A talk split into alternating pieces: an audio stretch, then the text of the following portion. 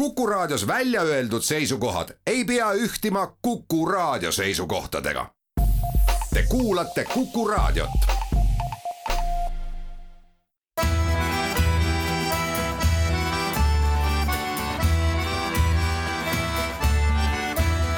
Kirillitsas Eesti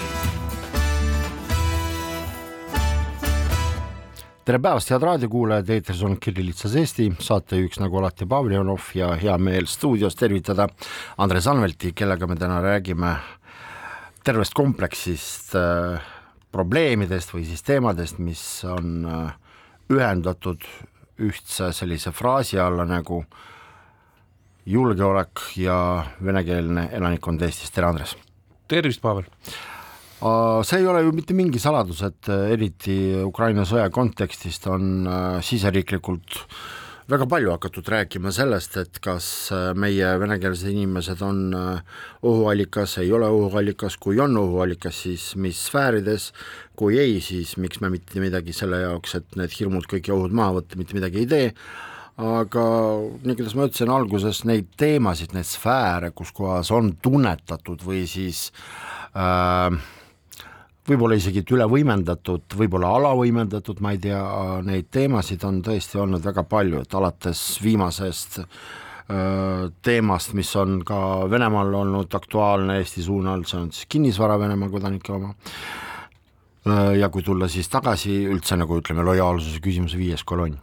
ja kui alustada sellest viimasest viiendast kolonnist, siis me ju oleme lugenud absoluutselt selgelt äh, kaitsepolitsei raportit, kus on öeldud, et Eestis viiendat kolonni kui sellist ei eksisteeri ja ohtu ja mingisuguseid äh,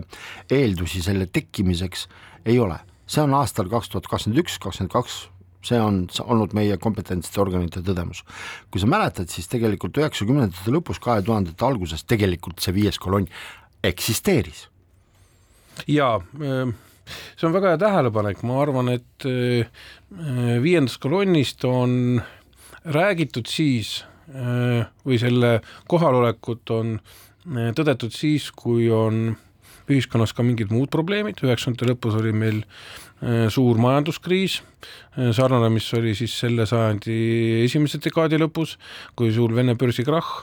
ja kindlasti see viis majandusolukorra halvemaks, just siis muideks läksid eh, paljud ka ettevõtted, mis olid veel jäänud siis erastamise käigus kuidagi veepinnale ja kus oli ka palju eh, venekeelset töötajaskonda, nemad läksid pankrotti, mis olid seotud Vene turuga. Ja, ja siis oli nagu rohkem põhjust rääkida, sellepärast et eh, seda kasutasid ära ka mitmed eh, poliitilised ringkonnad, siis olid meil olemas ka nii-öelda venekeelsete parteide alged. kes olid ka muuseas parlamendis esindatud. jaa, kes olid parlamendis esindatud, kuigi noh, ütleme nende see tõsiseltvõetavus isegi ka vene inimeste esindamisel oli suhteliselt eh, väikene, aga ma tahan öelda, et siis oli äh, jutt sellest suhteliselt objektiivne. kahe tuhandetel, kui see asi hakkas kõik minevikku vajuma, me liikusime Euroopa Liitu, kindlasti meie elatustase ju kahe tuhandete aastate alguses ju kasvas väga metsikult, kuni tuli jälle järgmine krahh. Ehm, aga eh, see kindlasti tõi kaasa eh, ka sellise rahvusküsimuse tahaplaanile mineku või seda ei märgatud, kõige tähtsam oli, kuidas inimesed saavad, nagu öeldakse, rikkamaks saada, ettevõt-, ettevõtteid avada, kallid töökohad, hakkas IT-sektor kasvama hirmsasti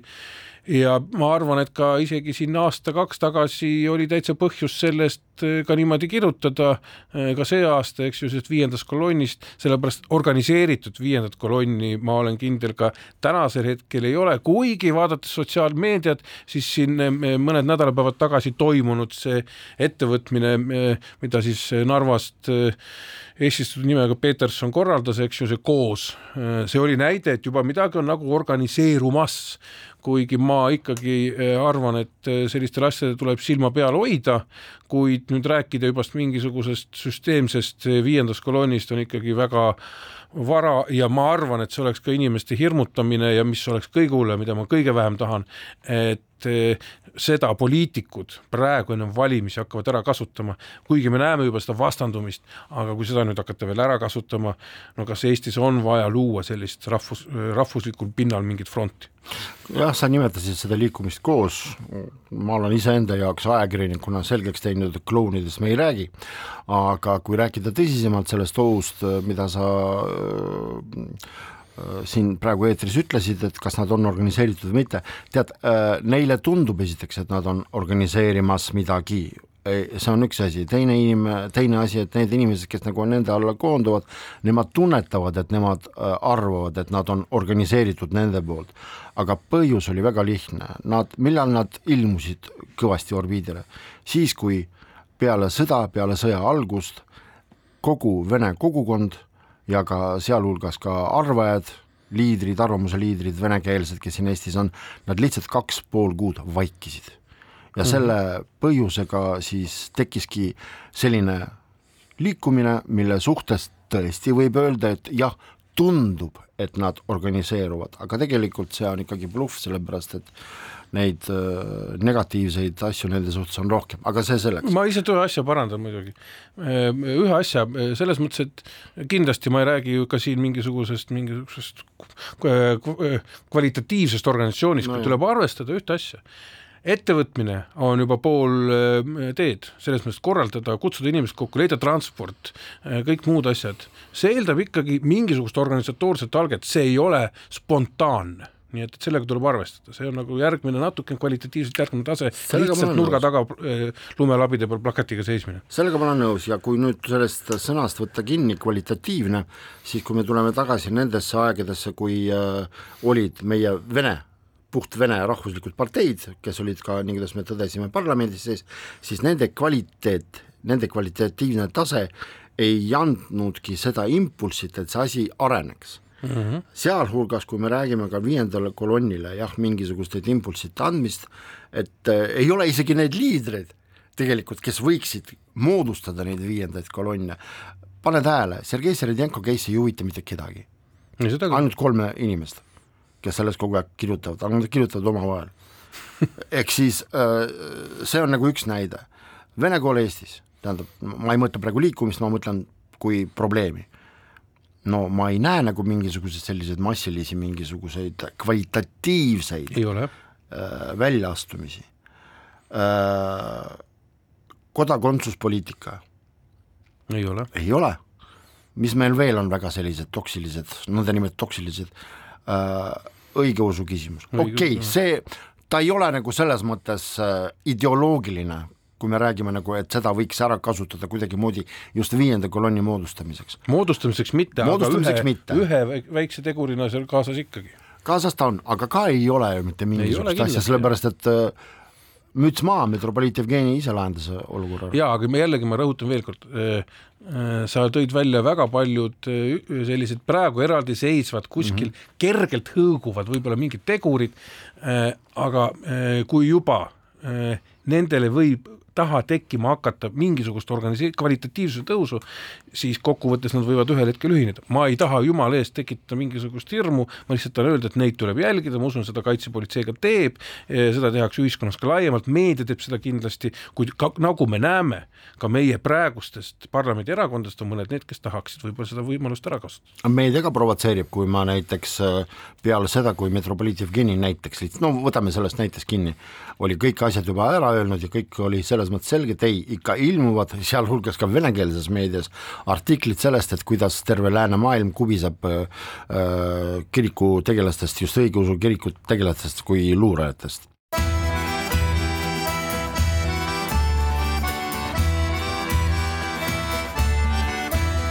Kirillitsas Eesti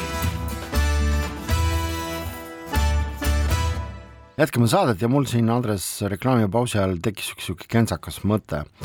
et äh, me oleme küll harjunud rääkima viiendas kolonnis kui äh, asjaga, mis on seotud eelkõige venekeelse elanikkonnaga. kas eestikeelses segmendis meil riigis ka on viies kolonn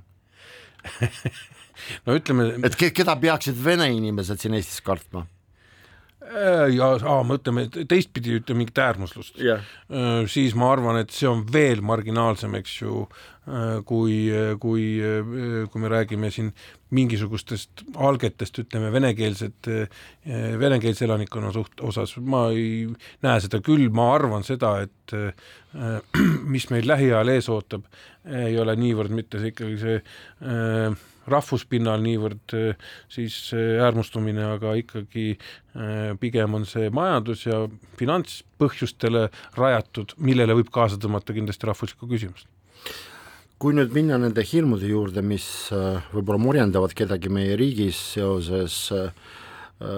hirmudega, mis on äh, tekkinud venekeelsete inimeste ümber, eelkõige muidugi Venemaa kodanike ümber ja Valgevene kodanike ümber, siis viimane asi, mis oli, oli see kinnisvara küsimus, et mitte miski muu tegelikult Venemaa propagandat eriti ei morjendanud, kui praegu kaks nädalat tagasi siis see kinnisvara teema ja augusti lõpp, septembri algus tegelikult see Schengeni teema. kõik need Narva tangid ei huvita. ei huvita ja need asjad on palju hullemad, aga Venemaa jaoks. aga kui me räägime riigisiseselt, ütle palun, kas see äh, relvaluba küsimus, mis nüüd minu täiesti ootamatult laienes ka või võib laieneda ka halli passi omanikele, et äh, kuivõrd, kuivõrd see on ikkagi oht, reaalne oht, kuivõrd reaalselt see on oht? mina olen siin tegelikult ka omal ajal, kui see küsimus tekkis, ka oma seisukohta väljendanud. esiteks, kui ma olin siseminister, siis oli see meil esimest korda laual ja meil olid äh, ministeeriumis päris tõsised vaidlused sellel teemal ja äh, ja siis ei olnud muidugi mingisugust veel äh, sellist sõjakriisi, oli küll, küll juba äh, Krimmi annekteerimine ära olnud ja kõik äh, need muud protsessid, aga sellist aktiivset äh, nagu praegu ei olnud. Ja siis me arutasime seda ja me jõudsime seal laua taga arusaamisele, et ärme praegusel hetkel utreeri üle, sellepärast et kui me võtame needsamad laskeklubid, mis olid nagu teemaks, mis tulid ka eriteenistuste poolt, siis tuleb arvestada, et nendes laskeklubides suur osa, kui mitte enamus, nende klubi liikmed on Eesti passi omanikud ma ei räägi, mis, ma ei tea nende lojaalsust mitte midagi siin täpselt samuti tsivilistina, aga nad olid me, me nende käest ei küsi. ja, ja eh, suur osa nendest relvaomanikest olid jahimehed Äh, nagu me teame, eks ju, nii Vene kui Eesti inimestel on ju ajalooliselt jahilkäik on osa ju sellisest ja seenelkäik ja kõik see on ju osa nagu sellisest no, tavakultuurist. naise juurest kaugemale ja mõneks täpselt päevaks. niimoodi, kalale, seenele või, või siis jahile ja, äh, ja ma olin äh, selles mõttes vägagi demokraatlik. nüüd selle sõja algusega olen ka mina kindlasti natukene niimoodi äärmustunud ja, ja, ja arvan seda, et Äh, see küsimus tuleb vaadata teistmoodi, me ei võta seda niivõrd mitte. Tähendab, mina näen seda üldse väga paljud neid äh, ka sanktsioone, ka seda näiteks äh, mitte ainult relvaload, kui me võtame seda äh, äh, siis hääletamisõigus kohalikel valimistel ja veel võib-olla mingisuguseid selliseid äh, alalistele elanikele äh, võrdselt kodanikega tehtud äh, õiguste äravõtmist äh,, siis mina näen siin pigem äh, mitte niivõrd seda äh, lojaalsusohtu, mispärast seda tehakse. see on väga hea äh, väljaspoole, nagu öeldakse, äh, välja tuua, ma näen pigem seda nagu niisuguse mõjutusprotsessi väikse osana, et mõjutada nendele inimestele äh, aru saama, et kui te olete passiivsed selle Vene agressiooni osas Ukraina vastu, siis te peate ka sisuliselt võtma ka siis vastu ka sellise sanktsioneerimise et kui te olete aktiivsed ja teete kõik selleks, et, et näidata oma teist külge või ma ei tea mm, -hmm. võtta Eesti kodakondsus. okei okay,, et kui te olete rahu eest, pange relvad maha jah, täpselt niimoodi, jah. aga, aga see rohkem, ma ütlen, lojaalsuse puhul me peaksime minema palju sügavamale, sellepärast ma millegipärast arvan, et eh, ma ei ole nii väga kindel et kõik, kes on saanud siin Eesti kodakondsuse, eh, on nüüd eh, sama lojaalsed, eh, ma ei tea, kes, kes ei ole võib-olla saanud Eesti kodakondsust nende aastate jooksul, see, see ei ole nii mustvalge. see ei ole see on, siin on ta on väga palju halli kui halli passi värv. midagi sellist jah, nii et, et ma pigem ma arvan seda, et kodakondsus tänapäeva maailmas on küll oluline asi, aga ta ei ole inimese lojaalsust näitav dokument aga see kinnisvara asi, et siin on nagu kahe otsaga asi, et ma olen kuulnud öö, näiteks kolleegide käest, ajakirjanike käest, et noh, et kuulge, et no tõesti, et kui sa oled teise riigi kodanik, aga sul on siin kinnisvara ja kui sa selle eest ei hoolitse, siis noh, loomulikult äh, sa pead ka selle eest nagu vastutama, kas või ma ei tea, juriidiliselt. aga teine asi on ju see, et kui isegi heatahtlik inimene, ma ei tea, seal oletame Valgevene kodakondsusega, kellel on siin kod-, kinnisvara, aga kes ei saa näiteks teostada makseid, okei okay,, Valgevene saab, Venemaa ei saa et äh, muuseas isegi Venemaa pensionäridele vist hakatakse maksma pensioneid, millega on viivitatud läbi Valgevene finantssüsteemi mm. -hmm, et äh, aga kui ta ei saa läbi sanktsioonide, ei saa nagu teostada oma makseid, mis siis saab? et, et kuivõrd see jälle kinnis... mõjutus, jälle mõjutus on see, et sa saad tegelikult äh, makseid sa ei saa teha äh,, mõjutus on see, et kuna sa oled passiivne äh, Venemaa poliitika osas, siis ei ole muud seda on sul ikka, õiguslikult on sul võimalik teha see, et sa, et sa sõlmid eh, lepingu Eestis mõne inimesega, kes tegu-, tegeleb sellega, et seda kinnisvara maha müüa. noh, ahah, okei okay,, aga kui seesama Venemaa kodanik, kes teebki sellise skeemi järgi oma asju, tahab siis nagu, ma ei tea, seal kas või eh, kompenseerida Eesti kodanikule selle tegevuse eest, ta ei saa talle ju maksta ju. no ma arvan, et äh, siin äh, küsimus on selles, et näiteks äh, need summad kuidagi deponeeritakse no ja, ja okay., ja sealt saab siis küll, küll leiame vahendeid nagu ma arvan küll, jah. kas või kolme kuu jooksul kuni kümme tuhat eurot saab sisse tuua ka. Ja ma mõtlen, et ütlen, aga ikkagi see ei ole, see sanktsiooni mõte on jah, mõjutada ikkagi, ma ütlen veel kord, mõjutada neid inimesi eh, muutma aru, oma arusaama, et nad näiteks väga lihtne asi, et seesama inimene selle asemel, et aru saada sellest, et hommikust õhtuni sa kuulad, eks ju, Vene meediat, eh, ütleme siis propagandat, tegelikult, kui sul on kinnisvara mujal maailmas või Eestis ja midagi, see tähendab seda, sa oled ettevõtlik inimene, siis sa täpselt samuti saad oma äh, isiklikku ideoloogiat ka mõjutada selle poolest, et sa lähed siis nendesse sõltumatusse internetikanalitesse ja uurid seal, et sa, et sa saaksid aru, et, et siin on natuke rohkem küsimus kui ainult Venemaa rahvusküsimus, et siin on tegelikult maailmal, on kogu maailmal on globaalne sõjaoht praegu äh,. hääletamise küsimus Riigikogu valimistel no Riigikogu valimistel ei ole ju selles mõttes ju mingisugust muutust ju. Riigikogu valimistel. tähendab, vabandust, kohalikel valimistel, kohalikel jah. Eh, nii ja naa muidugi, eh, ma tahan öelda seda, et eh, siin tuleb väga ikka kaaluda ennem kui teha relv relvaks, see on teine küsimus no,. kinnisvara, ütleme, kui inimene elab Eestis, alaline Eesti, Vene kodanik Eestis ja tal on kinnisvara ka ei ole mingit küsimust, eks ju, kui ta on alaline elanik, mitte midagi ei toimu. me räägime nendest, kes üle piiri omavad seda Äh, ma pigem arvan seda, et siin tuleb äh, kaaluda muidugi ühte asja. Äh, kaaluda tuleb seda, mm, kas nüüd nende alaliste elanike osas, Venemaa kodanike osas, kes on alalised Eestis, kui me teeme neile sellist poliitilist survet, esiteks palju see mõjutab neid inimesi, kes nendest on niikuinii apoliitilised, aga teine asi, kas me need lükkame äkki poliitiliselt Eesti igapäevaelust veelgi kaugemale siin on erinevaid riske. no kui meelde tuletada, mida aastal kaks tuhat kaheksa või kaks tuhat üheksa rääkis Priit Toobal, endine Keskerakonna peasekretär, et meie esmatähtsam, tähtsam ülesanne on absorbeerida venelasi selle jaoks, et nad mitte kunagi ei osaleks poliitikas. no ma mitte üks-üheselt, aga mõte on sama no siis ei no aga asi on selles, et ega Vene kodanikud Eestis, kes on alalised elanikud, ega nad äh, ei saa ju kandideerida, nad saavad valida. ja nad saavad valida. Nad saavad valida äh,. mina näen siin nagu teist poolt, et äh, olgem nüüd jälle realistid, et ju küsimus, mida mina näen tuleb alati neid poliitikute juttu tuleb vaadata niimoodi, tõsta seda kladet, kus ta loeb oma teksti, siis sealt klade all on teine tekst, mida tegelikult mõtleb. ja selle all on veel võib-olla pisikene memo, mis võib-olla vastab tõele ma tahan öelda seda, et küsimus ei ole mitte praegu selles, et me, kas me läbi selle kohaliku omavalitsuse valimise äh, õiguse äravõtmise sanktsioneerime neid Eestis elavaid Vene kodanikke, mõjutame neid kuidagi, äh, küsimus on tegelikult selles, äh, kuidas moodustuksid mm, siis erinevad volikogud ja kes kuskil saaksid rohkem võimule, Ida-Virumaal on teatud niisugused eestimeelsed, eestikeelsed parteid ju suhteliselt eemal olnud kogu aeg, Tallinnas täpselt samuti, suhteline ainuvõim praegu ei ole küll, aga noh, ta on väga lähedal seal ja veel teised siin piirkonnad ümber Tallinna, eks ju, et tegelikult... kui vaadata tegelikult kõiki omavalitsustes toimunud korruptsiooni asju, ega seal rahvusega küll pole midagi pihta. ei ole mitte seda ärme, see on nüüd täitsa mõttetu, see, see ei ole üldse mingi küsimus, et ma pigem näen seda, et siin äh, poliitikud valmistuvad ette äh, ja ärme unusta seda, et ma ise olen ka selle poolt hääletanud muidugi, et Riigikogu liige võib olla kohalikus omavalitsuses, eks. Et valmistuvad ette endale parimat positsiooni järgmisteks kohalikeks omavalitsuse valimisteks, sest kohaliku omavalitsuse valimine on järg-, kõige parem platvorm Riigikogu valimisteks ehk siis tegelikult, kui võtta kokku see plokk, millest me praegu rääkisime, viimased viisteist, kakskümmend minutit, seisneb selles, et kui poleks valimisi, poleks ka võib-olla neid äh, võimalikke viienda kolonni ja venekeelsete inimeste osas hirmusid välja tulnudki või?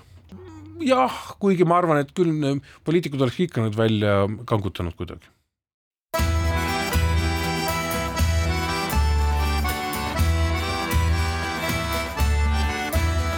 Kirillitsas Eesti jätkame saadet, stuudios Andres Anvelt ja saatejuht Pavel Ivanov. et seni me rääkisime kõikidest nendest teemadest, mis äh, võivad tunduda vene inimestele kui mingisugused äh, diskrimineerivad äh, toimingud nende suhtes, samas teiselt poolt võtta siis Eesti pool, kui niimoodi võib öelda, me, poolitada meie riiki, võtab seda kui potentsiaalse ohuna. et me rääkisime selles valguses, et eesmärk läbi nende ohtude on tekitada mingisugust mõju, mõju, mõjutustegevust. jah, et üks nendest on ka tegelikult äh, selline väga oluline asi, mis puudutab seda, et millise passiga meil üks või teine inimene siin riigis elab. ja viimasel ajal on tõesti olnud väga palju neid temaatikaid, et muudame kodakondsuspoliitikat, eks ole, see on üks asi, no see on pisut globaalsem, aga puht niimoodi konkreetsem, et noh, et keelduge Venemaa kodakondsusest. no me kõik teame, et see on ebareaalne sisuliselt. ja ma võin öelda, et ma olen ka kokku puutunud äh, selliste kaasustega äh, ja mul on äh, tõsiselt kahju sellest olukorrast, et meil on olemas Eestis terve rida Venemaa aga ka mitte ainult Venemaa, ka veel teatud erinevate maailma riikide kodanikke, kes on läbi käinud kõik selle päris keerulise Eesti naturalisatsiooni protsessi, see ei ole lihtne. et kui kuulaja ei tea, see on miinimum kaheksa aastat tuleb elada, töötada, kolm aastat äh, ajutine elamisluba, siis viis aastat iga aastat. õhtu vastama küsimustele, kas sa oled Eesti no, riigile lojaalne umbes küll niimoodi. ja, ja, ja siis lõpuks pärast selle ajal pead eesti keele selgeks õppima, siis Eesti ajaloo selgeks õppima, põhiseaduse, siis sa teed ära selle eksami kõik siis Vabariigi Valitsus äh, annab sulle nii-öelda tingimisi kodakondsuse, noh, ma ei taha sõna tingimisi kasutada, tingimisi pannakse vangi, aga see tähendab seda, et see kodakondsus hakkab kehtima sellest hetkest, kui sa tood tõendi siis näiteks kas Venemaa või mingist muust teisest saatkonnast, et sind on vabastatud äh, kodakondsusest. ja kui mingil ajal, ma mäletan, et äh, kui mina veel olin ka veel minister, ütleme natuke rahulikumaatel aegadel, kuusteist, seitseteist, kaheksateist Äh, oli niimoodi, et tegelikult need inimesed saidki väga lihtsalt selle kodakondsusest lahti, no ma ei tea, Venemaal ei olnud siis võib-olla mingit väga suurt poliitilist motivatsiooni, äh, kindlasti see Ukraina sõda tõi seda esile, aga, aga võib-olla natuke varem. Ja ühel hetkel on hakanud tekkima selline äh, nagu täheldatud äh, muutus, et äh, ja mis ma kujutan ette, nüüd kasvab veelgi äh,, et kui inimene läheb Vene kodakondsusest ennast eh, vabastama, siis eh, talle tuuakse üks nendest mitmetest põhjustest, miks teda ei vabastata.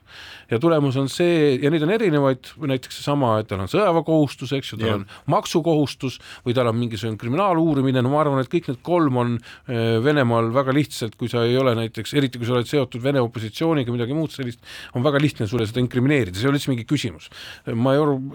Pavlenko mõtleb selle kohe välja, kirjutab sulle, et mis põhjus põhjus see võib olla, palju sa maksu oled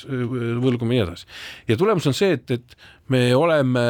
ühtepidi nagu ja need inimesed, kes tahaksid olla Eestile lojaalsed, nad on õppinud keele ära, nad on teinud suure vaeva. Nad on nagu pantvangis nad ei saa, nad ei saa eh, nagu venelased ütlevad nii rõõba nii mässa, et selles mõttes, et et Eesti amet-, et Eesti ametkonnad isegi nimetavad neid, ma olen näinud juriidilises dokumendis, potentsiaalne kodanik, mida ei ole õigusruumis potentsiaalne kodanik, potentsiaalne kodanik, jah. see on midagi uut. see on midagi uut, aga, aga sisuliselt tal on üks samm puudu sellest. Ja noh, siin tulebki mõelda tegelikult, et ja, ja ma arvan, et see on tõsine mõttekoht, eriti sellises väga ärevas maailmas, kus tõesti kodakondsus ka väga palju loeb ja inimesed, kes tahaksid näiteks mingist ühest või teisest nii-öelda paaria riigi kodakondsusest vabaneda, aga seda ei lasta tal teha erinevatel põhjustel, siis eh, osades Euroopa riikides on ka täitsa see võimalik, et inimene sisuliselt deklareerib ennast ühest või teisest kodakondsusest lahti olevaks. oota, tähendab, füüsiliselt see on niimoodi, et oletame, et on olemas inimene, kellel on Venemaa kodakondsus, kes tahab saada Eesti passi, siis sisuliselt ta kuidagimoodi ütleb lihtsalt riigile, et ma enam ei ole Venemaa kodanik. siin on erinevaid variante, siin on erinevates mis tähendab see deklareerimine? deklareerimine on erinev, inimese äh, tahet saab avaldada näiteks läbi kohtu, et kohus võtab selle äh, läbi halduskohtu, näiteks inimene deklareerib, et ta ei taha olla selle riigi kodanik, ta on endast teinud kõik, see on kõige tähtsam, et ta on endast teinud kõik, ta on palunud, tal on keeldutud äh, ja, ja nüüd on see äh, siis riigile otsustuskohaks. aga kas Eesti riik, Eesti kohtusüsteem hakkab äh, vaagima neid asju, mis on tänase seadusruumis, täna, ei, ei, mis mõttes, inimese tahteavaldust saab ikka vaagida. Okay inimese tahteavaldust, ega selles mõttes, et äh, näiteks paljudes küsimustes äh, näiteks kui ka lapse tahteavaldust, eks ju, vaagitakse inimene ju tegelikult noh, võtame sama asja, laps on kaheksateistaastane, tal on sisuliselt kaks kodakondsust. kui nüüd seadus ütleb, et kaheksateist kuni kakskümmend üks ta peab sellest ühest lahti ütlema. Kus me garanteerime, et tegelikult ta ütleb, et ta tahab olla Eesti kodanik, et ta Venemaa kodakondsusest lahti lastakse ehk eh, ta deklareerib selle ära, kui ta on kaheksateist, Eesti seadus ütleb, inimene, kellel on noh, ütleme näiteks isa on olnud Eesti kodakondsus, ema Vene või vastupidi, eks ju, ja laps ongi kahe kodakondsusega. seadus lubab kaheksateist kuni kakskümmend üks peab otsustama seda. aga nüüd, eh, kas teine riik laseb ta lahti, no mis ta siis on, ütleb, ma tahan olla Eesti kodanik ja venelane ütleb, tutkit sulle, eks ja, ja see ükskõik, kas Vene või mõned riigid näiteks on maailmas olemas, kes üldse ei lase, põhimõtteliselt ei lase oma kodakondsust lahti, noh, Iraan siin, ma ei tea, Süüria, Afganistan eks ju, teatas, et et nende kodakondsus võimalik lahti saada ainult läbi hukkamise. et äh, Taliban, no nii, nii et ma tahan öelda, et on erinevaid õiguslikke mooduseid kuidas seda maailmas on tehtud, et inimene ei saa, ei jää topeltkodakond-, kodakondseks, ta äh, ütleme niimoodi, läbi riigi, aga see peab olema muidugi seaduslikult reguleeritud, äh, läbi riigi äh, siis haldusaparaadi ütleb lahti senisest kodakondsusest kõigist kohustust selle riigi vastu. riik muidugi otsustab, see, kes ta vastu võtab, kindlasti ei tohi inimene jääda kodakondsusetuks, see ei vasta Haagi konventsioonile, eks ju, äh, inimene peab olema mingi riigi kodanik, kodakondsusetusse ei tohi ükski riik lasta, noh ütleme. no aga meil on ju hall pass. Need ei ole lastud sinna, nad on tekkinud Nõukogude Liidu lagunemisega no okei okay.. jah, äh, kuigi see on ka küsimus muidugi, aga, aga ma tahan öelda seda, et äh, võimalusi on erinevaid, erinevate riikide praktikaid. Äh, ma saan aru, meil kardetakse seda, et võib tekkida siis nii-öelda varjatud topeltkodakondsus. viies kolonn no see ei Tead, ole viies, see on ma ei tea no, kaheksas okay, kolonn okay., ütleme niimoodi. kümnes nii et, et ma arvan, et, et, et see muutuv maailm äh, peaks kindlasti mõjutama ka neid protsesse, kui inimesed tahavad olla lojaalsed, nagu öeldakse, selle maailma demokraatlikule poolele, äh, õigusriiklikule poolele, siis tuleb tal seda ka võimaldada. muidugi läbi nende protsesside, et me siia ei võta mingisuguseid kahtlaseid, nagu öeldakse, seltsimehi me oleme ju harjunud selle mõttega ka, et äh, jah, et okei okay,, meil kohalikud venekeelsed inimesed äh, virisevad, kritiseerivad äh,, kritiseerivad seda hoopis teisel moel, kuidas eestlased sellepärast, et nagu sa tead, see vana, vanasõna on olemas, et kui eestlane kritiseerib riiki, siis ta on kriitik, kui venelane Eestis, siis ta on putinist, eks äh,. aga siiski meil on äh, olemas suht kindel veendumus, et jah, et nad võivad viriseda siin nii palju, kui nad tahavad, aga Venemaale nad ka ju ei sõida paraku pakkus sel nädalal äh, meie kohalik ajaleht MK Estonia selles mõttes pisut teistsuguse statistika, alates aastast kaks tuhat kaheksateist neid Eestimaa elanikke, kes on kolinud Eestist Venemaa Föderatsiooni ja Valgevene Res Publicasse, on olnud kasvavas tendentsis ja näiteks Venemaale, kui kaks tuhat kaheksateist kolis kakssada kolmkümmend üks inimest, siis sellel aastal äh,, vabandust, eelmisel aastal viissada üheksakümmend kuus, kasv on üle poole. ja Valgevenesse, kui äh, aastal kaks tuhat kaheksateist oli kümme inimest, siis eelmisel aastal viiskümmend üks, viiekordne kasv. ja see oli minu jaoks eile, kui ma seda ajalehte sirvisin, oli minu jaoks ka üllatus, sellepärast ma ise ka kui ajakirjanik kogu aeg elasin selles statistikas mm, -hmm. et see statistika on miinus mm -hmm.. okei okay,, vähem, võib-olla null pluss üks, aga no mitte nii. ja kui ma loen öö, põhjusid, siis öö, esimene põhjus on selline, et tsiteerin, все очень просто, мы слишком русские Äh, ja siis hakkab loetelu, kõigepealt laste pärast, äh, väga suur LGBT propaganda, äh, kooliharidus, kusjuures ei tooda välja, et ei ole vene keeles, vaid et on nõrk mm. -hmm. Siis teiseks on vaja tagasi minna kodumaale, tahame sukelduda oma kultuuri, rääkida omas keeles ja nii edasi, nii edasi. aga seletus üldse loole, sissejuhatus on natukene vasturääkiv, et konkreetsed Eesti valitsuse tegevused on juba ammu öö, välja toonud selle negatiivse suhtumise just venekeelsest elanikkonnast aga me ei saa seda praegusel aastal, kaks tuhat kakskümmend kaks, tuua ammused äh, negatiivsed suhtumised valitsuse tegevusse, sellepärast et ma olen täiesti kindel, et aastal kaks tuhat kakskümmend kaks, praegu septembrist, kindlasti see protsess on peatunud seoses ohuga olla mobiliseeritud. aga see on tänapäev. aga mis sa arvad, millest see nelja-aastane tendents on, oli tekkinud? Muideks minu jaoks on kindlasti ka see üllatav ja, ja ma tahan öelda seda, et Need andmed, kohe ütlen ka sulle ja raadiokuulajatele, on ajalehe poolt välja võetud adekvaatsetest allikatest, sealhulgas ka Vene saatkonna poolt välja antud. jaa, no äh, väga huvitav, et äh, Vene saatkond Eesti riigiasutustele ei anna juba aastaid, isegi aastakümneid eriti informatsiooni selle kohta, näiteks kas üks või teine kodanik äh, on Vene kodanik või mitte, kas ja, ta saab saada Eesti kodakondsust või mitte ja nii edasi, ja on täielikult äh, tupikus, nii et siin võib-olla tuleb natukene, kui seal on ka Vene saatkonnast saadud, natukene seda arvestada, et seal kindlasti võib olla ka mingi propasüsteem taga, kuigi sa ei saa äh, teha propagandat täitsa olematute arvude pealt. nii et ma tahan öelda seda, et igal juhul on need numbrid üllatavad ja ma arvan, et põhjuseid Äh, võibki siin lugeda sellises siis riiulist võtta, et äh, mida mina ise näen, et probleem võib olla selles, et väga paljud võib-olla tõesti tunnetavad seda, et Eesti kultuuri ikkagi sellesse ruumi, alates haridusest või, või siis avalikku ruumi tuuakse päris jõuliselt sisse ja see neid häirib ja nad tunnevad, et nendel on Äh, vaja siit ära minna, see on muidugi väga selline ilus põhjendus, kindlasti teine põhjendus, mis võib olla, on ka see, et ärme unusta seda, et viimastel aastatel on Venemaa majandusel olemata nendest sanktsioonidest päris hästi läinud. Ja, ja näiteks ma arvan, et kui me võtame mingid IT-sektorid või sellised tehnoloogiasektorid, siis seal võib olla näiteks küsimus ka palgas, teenitaksegi lihtsalt rohkem, kui näiteks Eestis on võimalik teenida äh,. huvitab sind, kuhu on meie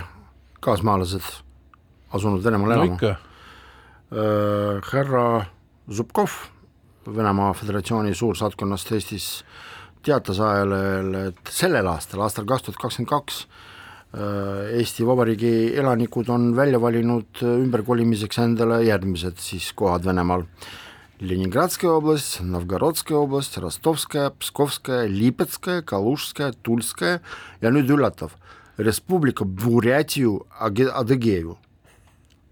vaata siin tekib mul, Novgorodi ja Leningradi oblast saan aru tegelikult. absoluutselt, see on arusaadav, jah et seenemetsad on samad peaaegu sisuliselt ja, ja kõik on nagu sarnane, loodus, kõik on, loodus kõik on samal ajal läheb jahedaks ja nii edasi, soojaks, aga Burjaatia, no siin ma arvan, et siin võib olla äh, vaat siin võib olla just niisugune hea propaganda ja, ja ideoloogia taga, et kui väga palju on räägitud Eestis sellest, et, et Ukraina sõtta tulevad, tulevad yeah. inimesed Burjaatiast ja nüüd meie ei saa neid andmeid kontrollida, see on täielikult sealt kuskilt kaevupõhjast tulnud. ja sealt öeldakse nüüd, teate nüüd kõik tahavad sinna Burjaatiasse minna, kuna seal on palju inimesi hukka saanud, mis iganes, see on küll propaganda, ma millegipärast arvan. teeme pausi, pärast jätkame saadet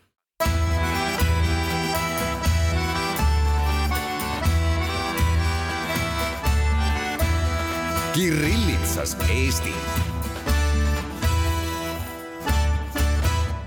räägime veel mõningai, mõningatest ohtudest või siis okei okay,, kui mitte ohtudest, siis mingisugustest tendentsidest, mis puudutab Eestis elavaid venekeelseid inimesi ja viimased äh, parteide populaarsusreitingud näitavad seda vähemalt, politoloogid niimoodi arvavad, et venekeelne potentsiaalne valija, kui sa rääkisid potentsiaalsetest kodanikest, meil on ka potentsiaalsed valijad olemas mis on nagu pisut normaalsem termin, et äh, nemad siis väidetavalt on ennast hakanud positsioneerima kui mitte Keskerakonna pooldaja, vaid EKRE pooldaja. ja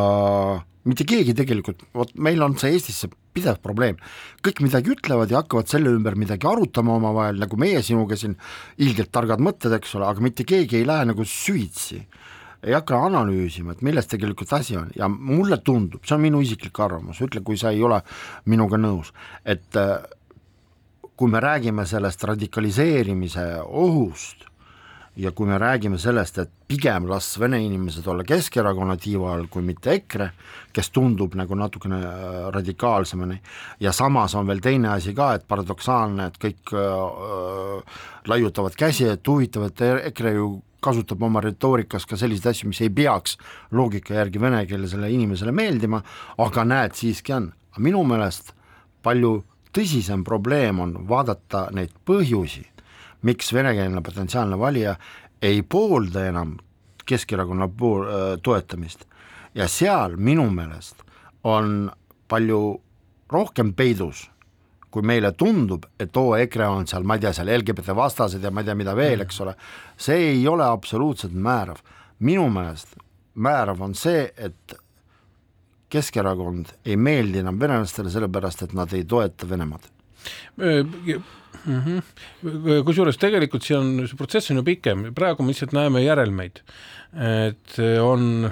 ütleme, ULAK-il on äh, mingisugused valijad ja nüüd äh, Äh, selleks, et nad ikkagi saada urni juurde, sest me, äh, ma olen ise ka neid uuringuid lugenud, et või, või ja niisugust üldist hoiakut, et noh, peale seda tankisündmust nagu ma saan aru, et need, kes tahaksid tulla Narvas valimistele on... unusta ära see tank. ja ma saan aru, aga no see on, ütleme niimoodi, mis sealt kostub no. Okay. et siis me ei, lihtsalt on poliitiliselt, nad ei taha enam minna valimistele, mis edasi ja nüüd nad otsivadki võib-olla uut nišši ja EKRE selle on väga ilusti välja mänginud, aga see protsess hakkas palju varem tegelikult. vaata, ärme unusta, et Jüri Ratase tulekuga, eks ju, Keskerakonna etteotsa ja see soov muutuda hästi parketikõlbulikuks. ehk siis eestimeelseks. jaa, eestimeelseks, eh, see tähendas seda, et eh, sa pidid väga paljud senised eh, põhimõtted oma igasugustest pro eh, programmidest välja võtma. Ja mitte ainult põhimõtted, programmi põhimõtted olid ka ennem Keskerakonnal ikkagi rahvuslikud, aga ma tahan öelda seda, et su hoiakud muutusid, su avalikud esinemised, eh, sa hakkasid ise erakonnas sees ka neid eh, poliitikuid, kes rääkisid natuke teistmoodi, siis neid, no mitte represseerima on paha öelda, aga natukene eemal hoidma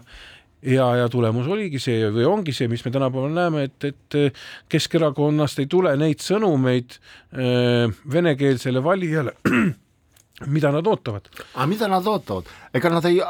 usu mind, enamus enam ei oota, et seistakse vene kooli eest.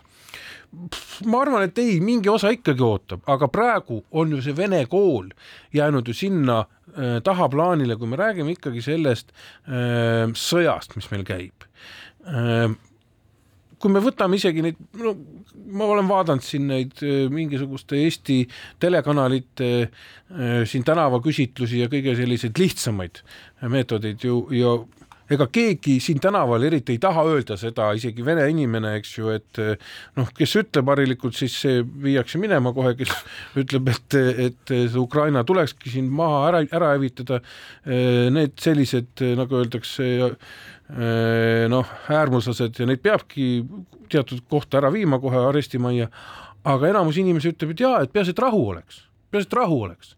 ja, ja isegi seesama liikumine koos ju räägib seda, et peaasi, et rahu oleks. ja nüüd ma saan aru, et EKRE on äh, selle väga ilusti endale adopteerinud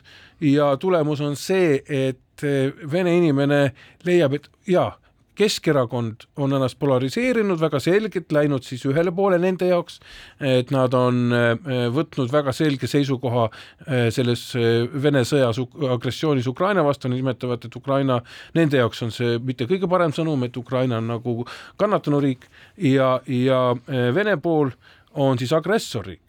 noh, ja sellepärast nad näevadki nüüd natukenegi niisugust päästja koolikella, nagu öeldakse, näevad EKRE-t, kes ütlevad, et tegelikult davайте все жить дружно. et hakkame kõik elama rahus, eks ju, ja, ja nüüd see no natukene, vot no, aitame kaasa sellele erakonnale, sest nad tahavad lepitada. Äh, vaata, kas oled enda peas mõelnud läbi, et juhul kui siis kes meie inimestest võiks olla kollaborant?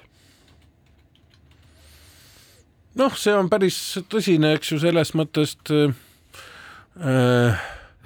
kas kollaborandiks saab potentsiaalseks, meil on täna lemmikfraas potentsiaalne okay. mm, -hmm, yeah. potentsiaalseks kollaborandiks saab nimetada inimest, kes kirjutab äh, nii, et nüüd ma pakun teile nimekirja nendest, kes hääletasid parlamendis selle eest, et tunnistada Venemaa Föderatsiooni režiim terroristlikuks ja ma loen praegu, et üks inimene selline on, kes igast parteist võttis need, kes hääletasid poolt mm. -hmm. kas see on potentsiaalne kollaborant? Ke-, kellel on juba nimekiri valmis, здравствуйте, здравствуйте, здравствуйте, у меня уже списочек есть, товарищ генерал, вот они, вот они, сволочи mm. -hmm. nojah, kuigi mina arvan, et see asi on natuke lihtsam, siin on, käib äh, võitlus häälte pärast enne valimisi, ei ole võib-olla niivõrd süsteemset äh, mõttemaailma, et me oleme nüüd ühe või teise äh, siis näiteks Vene eriteenistuse või, või, või siis režiimi, eks ju, äh, käepikendused siin Eestis, kuigi noh, jah, alati mina tahan näha positiivsemalt, ei ole kunagi kindel, et, et see asi ongi niimoodi välja mängitud, aga sisuliselt ma arvan, et ma arvan, et praegusel juhul me näeme kõike seda, mis me poliitikas näeme, on ettevalmistus valimisteks märtsikuus kõik muutuvad täitsa teist, teistsuguseks normaalseteks, jah, sa tahtsid öelda. ma arvan, et siis tekib ju tõsine küsimus selles, et kas ikkagi EKRE-ga näiteks teha koalitsiooni, küll nad teevad näiteks, seepärast et ma saan aru, et Keskerakonnal ja Isamaal ongi mugavam teha nendega koalitsiooni kui Reformi ja ma ei tea, sotside Eesti kahesajaga, eks ju, nii et, et noh, küll nad siis ära lepivad ja küll nad seletavad ära jälle seda, et et Helme ikkagi tahtis ainult rahu ja noh, kõik me tahame rahu, aga küsimus on, mis tingimustel ma tänan sind, et sa leidsid aega tulla meie saatesse, tuletan meelde, et stuudios oli Andres Anvelt, saatejuht oli Pavel Ivanov, aitäh kõikidele kuulamast ja kohtumiseni taas!